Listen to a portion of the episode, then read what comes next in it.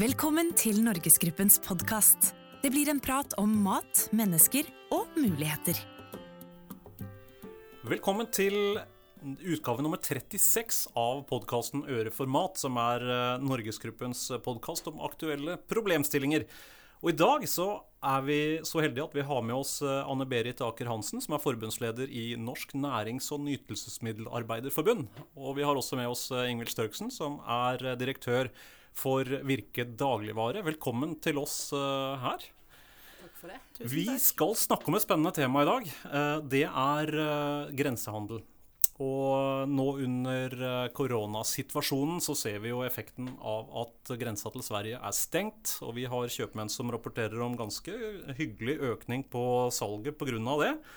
Vi ser jo bl.a. at eh, drøyt hver femte av Norgesgruppen sine 1600 butikker berøres direkte av grensehandel, og disse butikkene opplever nå over 50 høyere vekst enn snittet av norske dagligvarebutikker. Men det, det verserer jo en del tall og fakta. Eh, og jeg vet, eh, Ingvild, dere i Virke dere har jo sett mye på dette opp gjennom årene. Hvor stor er egentlig grensehandelen nå?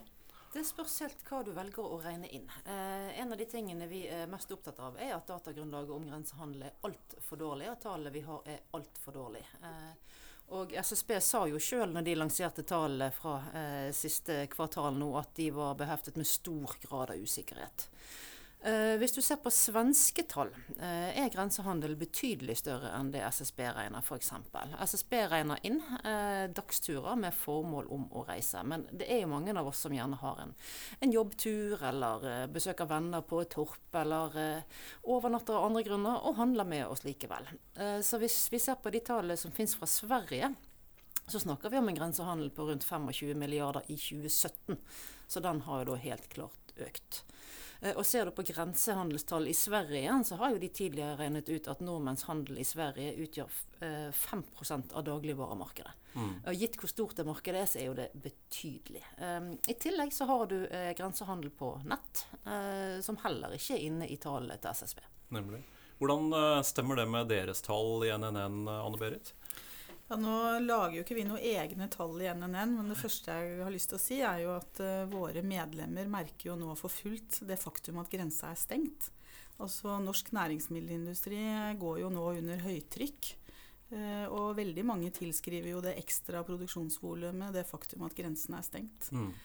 Eller så har vi jo jobba sammen med bl.a. Virke og andre i noe vi har kalt for Grensehandelsalliansen, og vi har holdt på i noen år. Og høsten 2017 så fikk vi jo en rapport utarbeida fra Menon Economics, som jo anslår eh, at vi f.eks. Eh, taper nesten 12 000 norske arbeidsplasser som en følge av denne grensehandelen. Og at det er en betydelig tap av verdiskapning i Norge. Nemlig. Så dine medlemmer er eh, fornøyd med at grensa er stengt akkurat nå, vil jeg tro? Ja, eh, de er det, selv om vi jo også erkjenner at eh, det er en eh, betydelig belastning for mange. Og den friheten vi har hatt med å kunne reise til Sverige og sånne ting. Vi er ikke noe for et forbud mot grensehandel heller i NNN. Men vi ser jo nå at vi er egentlig midt oppe i en praktisk forskning av konsekvensene av å ikke ha grensehandel. Mhm. I, eh, I Virke, hva tenker dere nå om den situasjonen vi har her med stengt grense? Er det en mulighet til å få mer oppmerksomhet rundt temaet, eller hva, hvordan håndterer dere det? Ja, altså Heller ikke vi tenker at den stengte grensen er, er kanskje det beste virkemidlet for å få ned grensehandel. Det kommer ikke til å, å, å vare ved, og det er ikke det formålstjenlige heller. Men det gir en veldig interessant, eh, et veldig interessant grunnlag for å se hvordan grensehandel i praksis slår ut hos oss. Eh, For det vi ser er jo, som, som du sier, Stein, at eh, en rekke butikker på grensen opplever til dels betydelig omsetningsøkning. Um, vi snakket eh, På vei her så snakket jeg med en som fortalte om eh, en bensinstasjon i Mandal som hadde hatt betydelig omsetningsøkning nettopp på de typiske grensehandelsvarene. Så det er jo ikke bare eh, butikkene på, på grensen, dette. Eh, det er jo hele landet vi ser eh, påvirkning eh, i. Um, Og, og, kanskje ikke minst så syns jeg det er veldig interessant å se på hvilke varer nordmenn nå plutselig kjøper i norske butikker. For det, det er jo ikke sånn eh, at det er gulrøtter og epler som, som, gjør at omsetningsøkningen kommer. Det er jo veldig langt på vei også de usunne varene som vi i bransjen har jobbet hardt for å kanskje nudge kundene til å velge sunnere alternativer til. Mm. Hvilke en, varegrupper kan det være, da? Altså Her snakker vi, vi snakker om eh, alkohol, vi snakker om tobakk. Eh, vi hører Polet snakker om eh, julehandelslignende tilstander hører eksempler på butikker som har en 1200% økning på snustobakk. Vi har sjokolade, sukkervarer, og vi har egentlig alle de tungt avgiftsbelagte varene som folk nå handler hjemme istedenfor ute. Mm. Og En av de tingene vi i Virke har vært veldig opptatt av når det gjelder grensehandel, eh, det er jo å sette den i et folkehelseperspektiv. Eh, for vi eh, er jo veldig skeptiske til om det er riktig at nordmenns sukkerforbruk går så mye ned som Helsedirektoratet sier i sine kostholdsundersøkelser. Vi tror ikke det. Uh, vi tror heller ikke at svensk sukker er sunnere enn norsk. Uh, men når du ser hvor utrolig stor grensehandel er, uh, og også ser at det nordmenn handler i grensen og nå hjemme, nettopp er de varene som, som er usunne, så setter det også hamstring på grensehandel i et perspektiv som vi er nødt til å ta på alvor. Mm. Men det gjelder sikkert ikke alle varegrupper. Det er vel noen varegrupper man konsumerer mer av når man har det i kjøleskapet eller tilgjengelig hjemme, men uh, andre varegrupper er kanskje mer flatt forbruk uansett? Ja. Altså, Det er bare til å se seg sjøl i speilet. Det, jeg kjenner jo gjerne det at hvis det er chips og rødvin hjemme, så har den det med å, å rope på meg. og, og, sånn tror jeg jo folk flest uh, fungerer. Og så er det jo òg sånn at når man er på grensehandel og får disse varene til en, en helt annen pris enn i Norge, ja, da gjør man det godt kjøpt. Da kjøper man masse med seg hjem, fyller bilen og bruker mer. Mm. Ja, jeg var inne og så litt på statistikken uh, hos våre egne butikker også, som, som, opplever en unormal kraftig økning akkurat nå. Så ser vi jo at uh, både hvitt kjøtt og rødt kjøtt er, uh, er, i vekst, men også brus og tobakk og øl. Så det, det stemmer jo bra med det, det, du sier også. Er det det samme dere hører fra, fra deres medlemmer? Ja, så Det er jo de mm. kategoriene der hvor det er nå økt volum og økt produksjon. Eh, det vi jo egentlig veit litt for lite om, det er jo hva folk faktisk handler når de er i Sverige. Mm. Der la jo SSB fram en pilotstudie nå i januar, som vel var for én måned i fjor. Og det er jo voldsomt høye tall. 684 eh, millioner på mat, 170 eh, millioner på øl.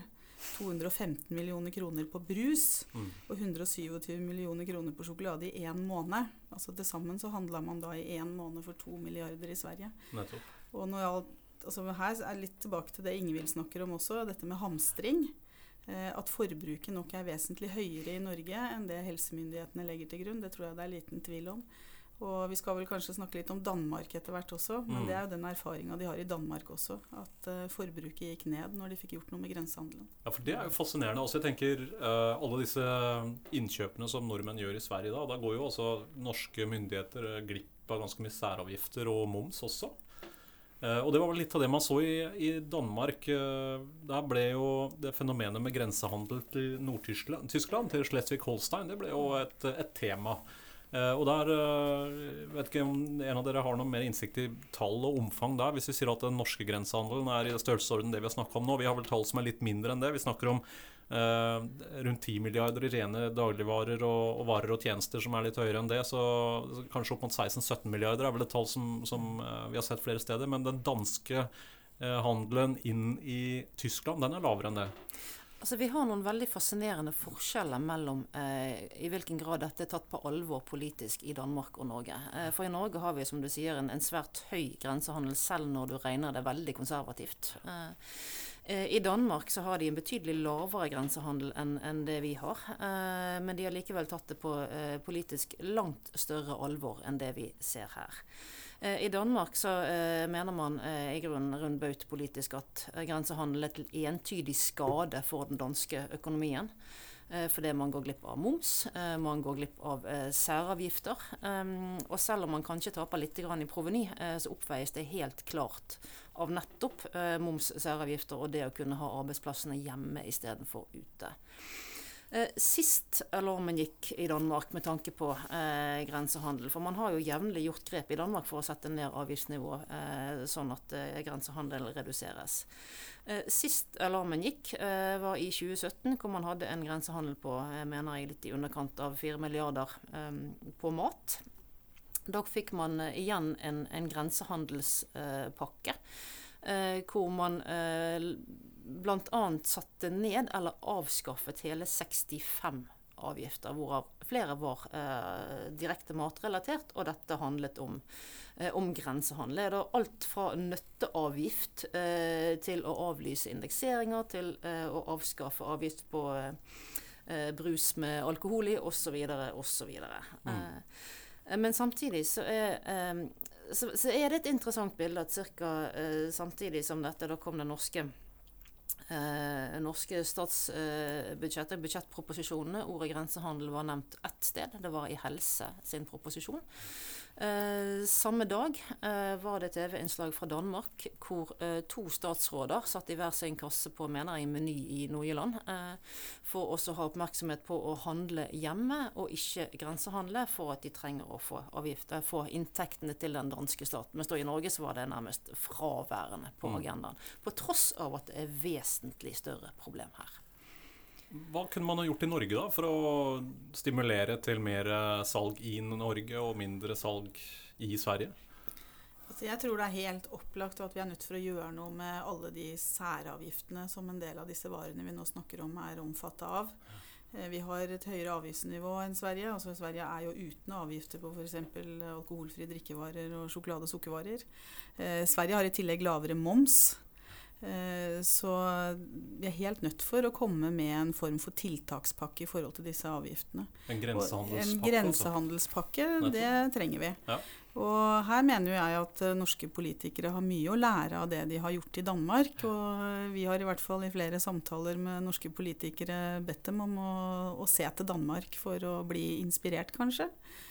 Eh, det tror jeg vi trenger. Og akkurat nå så tenker jeg at det er veldig mange tiltakspakker for veldig mange områder for å både få i gang Norge etter korona. Eh, matindustrien er i gang, mm. men i det øyeblikket grensene åpner igjen, så er jeg redd for at vi vil eh, komme fort tilbake til nye høyder når det gjelder grensehandel, og vi trenger en tiltakspakke for grensehandel, eller mot grensehandel i Norge. Ja, nemlig. Så eh, det er jo rimelig å anta at hvis man klarer å gjøre noen av disse tiltakene som funka i Danmark, at man da får flytta mer av det volumet hjem. At ikke nødvendigvis eh, avgiftsregninga eller provenytapet for myndighetene behøver å bli så stor. Fordi volumet vil jo gå opp.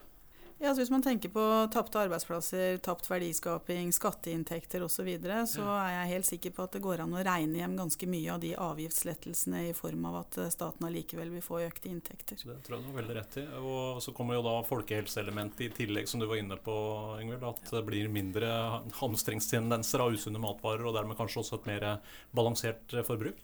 Altså jeg tenker jo det at Når, når man i Danmark eh, da igjen eh, sier at det er til entydig skade for den danske økonomien eh, at grensehandel er det, så, så, er jo det noe vi uten tvil må lære av. Eh, og Særlig nå når vi skal bygge opp igjen handel etter en, en koronasituasjon som har vært svært utfordrende for eh, kanskje ikke så mye dagligvare, men veldig mye for resten av handel, så trenger vi de arbeidsplassene her. Eh, og dagligvare er jo av de som har muligheten til nettopp det. Eh, en stor forskjell til mellom Norge og Danmark er at der vi har eh, knapt tall på hvor mye nordmenn handler for, og veldig lite kunnskap om hva nordmenn handler. Eh, så har eh, det danske finansministeriet en årlig eh, rapport hvor de bl.a. går gjennom ganske nøye ikke bare hvor mye danskene grensehandler for, hvilke varer de kjøper, hvor de kjøper de ulike varene, og en beregning på illegal antatt grensehandel, altså smugling, med andre ord. Så det betyr at de har jo et, et helt annet kunnskapsgrunnlag eh, for hvordan deres avgiftspolitikk slår ut for grensehandelen. Det betyr òg at de har et helt annet kunnskapsgrunnlag for å se hvor mye man potensielt taper på grensehandel, og hvor mye man kan hente hjem i inntekt hvis man får ned grensehandelen. Eh, vi er jo ikke i nærheten av det kunnskapsgrunnlaget i Norge, så det er jo òg et veldig godt sted å starte sammen med en grensehandelspakke. Mm. Eh, sånn at vi får en bedre balanse mellom nettopp grensehandel og folkehelseelementet her.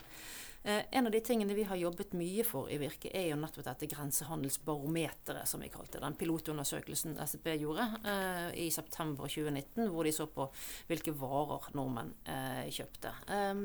Den viste jo interessant nok at halve, halve handlekurven var avgiftsbelagte varer. Det er jo ikke så overraskende. Mm. Eh, men den kan ikke være bare en engangsforeteelse. Eh, vi mener jo at den må eh, gjentas jevnlig, og den må utvides og forbedres. For det vil gi oss et helt annet grunnlag til å balansere både helsen til folk gjennom kostholdet og helsen til, til, næringslivet gjennom å få disse arbeidsplassene og verdiskapen hjem igjen til Norge. Hvordan, hvordan, skal man organisere det, da, hvis man skal få satt det i system et grensehandelsbarometer? Altså, Vi har jo allerede piloten. En god start kan jo være å fortsette å gjennomføre den. Mm. Uh, og, og uh, det ble nå gjort uh, utelukkende én gang på én måned. men det ene interessante var jo at folk handler så usunt. det andre er jo, er jo som du sa, at grensehandel her ble estimert til to milliarder mm. på denne måneden i september i fjor. Og det indikerer jo at grensehandel totalt er langt større enn de tallene SSB får ved sin eh, vanlige metodikk når de måler det. Så ikke nok med at folk fyller handlekurven med eh, usunne varer veldig langt på vei, men de handler altså enda mer enn det vi trodde, og det vi trodde var at det var svimlende høyt. Ja. Og det er ganske urovekkende. Jeg har lyst til å gå litt tilbake igjen til eh, arbeidsplassargumentet der også, Anne Berit. Du var inne på, på, det. Eh, hva slags betraktninger eller analyser ligger bak et sånt tall? For det er ganske høyt tall, antall arbeidsplasser du var inne på. Ja, altså Det var jo tall som eh, Menon Economics regna seg fram til både direkte i forhold til arbeidsplasser i handelen, og indirekte da gjennom arbeidsplasser i leverandørindustrien og resten av verdikjeden. Eh, og det er et veldig høyt tall. Det er helt klart. Det er jo, som jeg sa i stad også, behov for arbeidsplasser i Norge. Det at vi liksom eh, si, eksporterer arbeidsplassene til Sverige. Mm. Det er jo det den norske avgiftspolitikken bidrar til i dag. Vi sender arbeidsplasser og verdiskaping over grensa til Sverige, mens uh, svenske kjøpesentre rapporterer om all time high. Altså I 2019 så satte de vel rekorder alle sammen av disse kjøpesentrene langs uh, grensa til Norge. Mm. Så, men det er klart at for oss så er jo det er jo en trussel mot uh, norske arbeidsplasser. Vi merker det jo i forhold til uh, at uh, industrien kvier seg for å ta investeringer, f.eks. Mm. Og investeringer trenger vi jo når man skal satse for uh, framtida. Teknologisk utvikling osv. Når det er så mye usikkerhet rundt volumutvikling. Og det har jo gått feil vei gjennom ganske mange år. Mm. Så oppfordringa herfra er, jo, er, jo at myndighetene da må eh, få øya opp mer og ta dette her mer på alvor enn det de har gjort hittil. Definitivt. Mm. Og Ingvild har vært inne på dette med grensehandelsbarometeret. At vi må få mye mer kunnskap om hva nordmenn handler i Sverige, hvor mye nordmenn handler i Sverige, og kanskje også andre land. Men det er jo særlig Sverige hvor vi er utsatt for grensehandel. Eh, og at vi trenger en skikkelig tiltakspakke. At man må gå litt grundig inn i dette her. Altså nå er jeg jeg kommer selv fra sjokoladeindustrien. Jeg har holdt på med sjokolade- og sukkervareavgift og andre avgifter siden tidlig på 90-tallet når jeg blei tillitsvalgt. Og det er akkurat som det er sånn glassmaneter å snakke med noen ganger, disse politikerne. Jeg beklager å si det, men eh, det er veldig mange vikarierende argumenter. Og det, sannheten er jo at dette er fiskale avgifter for det aller meste. Det er ikke helsebegrunna, det er rett og slett begrunna i et proveny til staten. Mm. Og da må man kunne regne hjem et proveny på en annen måte, som vi har vært innom her, ved å sette i gang med andre tiltak og øke produksjon og omsetning i Norge. Men Det vil jo da fordre en litt mer dynamisk eh, avgiftstankegang fra Finansdepartementets side enn det vi har sett hittil. Det er vel det som kanskje er en av de store forskjellene mellom Danmark og Norge i den problemstillingen her, der man så at en, en volumøkning ville kunne kompensere for eh, en lavere avgiftssats eh, når man gjorde det. Men, men fungerte disse virkemidlene i Danmark, Ingvild? Så Man ser jo at uh, grensehandel har gått, uh, gått ned uh, ja. i Danmark. Altså Man har bl.a. Uh, mener fått en halvering nesten av grensehandel med brus, snop og øl i perioden 2000 til 2017. Og Det er bl.a. pga. en aktiv avgiftspolitikk. Men det er klart selv i Danmark er man jo ikke fornøyd. Uh, og utfordringen der eh, handler jo nå om at Tyskland eh, har vedtatt å sette ned momsen på både mat og øvrige varer, sånn at man frykter at det gjør at, at grensehandel blusser opp igjen. Og Det er jo en av de utfordringene vi også har, at vi har en høyere matmoms enn Sverige. Eh, og eh, i tillegg at vi eh, har et politisk forslag på bordet om til og med å øke matmomsen. Det forslaget må legges dødt formelt en gang for alle, jo før jo heller. Eh, så, så um, når vi får høre at mye av årsaken til at folk velger å grensehandle, det er pga. prisforskjeller, så er jo de prisforskjellene langt på vei politisk styrt. Det politiske valg som ligger bak det. Og det er jo interessant òg, som, som, Anne Berit sier, at det, det, det handler om her, er jo eh, også uforutsigbarheten for norske aktører med tanke på å investere. For det handler jo bl.a. om å ha den forutsigbarheten man trenger for å kunne utvikle nye, sunnere produkter for å enda bedre kunne bidra i folkehelsearbeidet i Norge. Så det blir et veldig forenklet bilde av de som vil fremstille det å sette ned avgiftene som eh, til skade for folkehelsen. Det kan faktisk meget vel være at totalen er direkte motsatt. Mm. Eh, men nettopp fordi at det er udokumenterte påstander eh, som ligger bak det, eh, så har det iallfall inntil nå vært ganske vanskelig å slåss mot. Det jeg gleder meg veldig til, eh, er at Folkehelseinstituttet nå eh, ser på hvilken betydning grensehandel har for eh, kostholdet i Norge.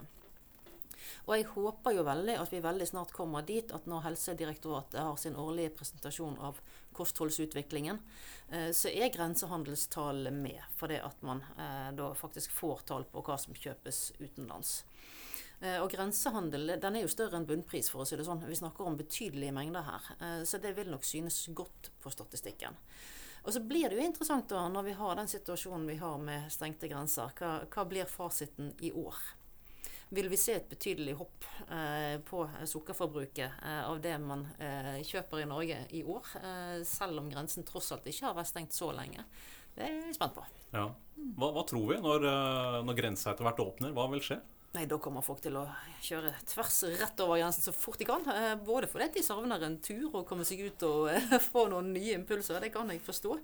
Men det er klart det er jo ingenting i, i grunnlaget for grensehandel som har endret seg her. Nei.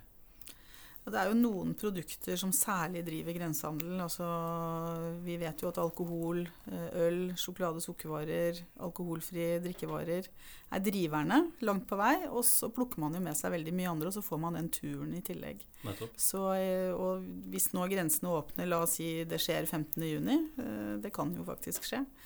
Eh, så tror jeg at veldig mange vil eh, legge en eh, sommertur til Sverige. Og at vi vil være tilbake til gamle høyder relativt raskt, dessverre. Så det er en, en kortsiktig salgsøkning, salgsglede vi ser i norske butikker akkurat nå? Jeg tror ikke jeg ville forventet at det var. Nei. Men jeg tror vi bør nå benytte også den anledninga til å skaffe oss kunnskap. Eh, og jeg tenker jo for dere i Norgesgruppen, dere sitter jo på gode tall i forhold til omsetning i butikk. Mm. Eh, dere kan jo samle inn ganske mye gode argumenter for hvordan dette virker nå. Og det håper jeg jo også at eh, de øvrige si, deler av verdikjeden gjør. Sånn at vi kanskje også har ny argumentasjon og ny dokumentasjon å legge fram i debatten med politikerne, som vi jo må fortsette å ha. Høres ut som det er en rørende enighet rundt virkemidlene rundt, rundt, bordet her. At vi er enige om at uh, de norske særavgiftene er en, er en, utfordring. At vi må ha bedre tallgrunnlag gjennom uh, et grensehandelsbarometer. Og så må vi jobbe med holdningene, da. Få norske forbrukere til å uh, legge igjen handlekronene sine i norske butikker i stedet for på, på feil side av grensa. Jeg tror vi skal eh, runde av der. Takker for eh, at dere ville være med i dag. Eh, Anne Berit Aker Hansen fra NNN og Ingvild Størksen fra Virke. Så gjenstår det å se da hva norske myndigheter gjør etter dette, og ikke minst hva som skjer når grensene åpner.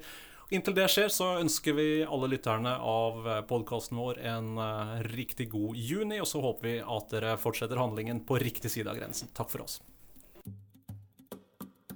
Abonner på Norgesgruppens podkast i iTunes og på Soundcloud. Besøk oss på norgesgruppen.no. Gi oss gjerne tilbakemelding på Facebook-sidene våre.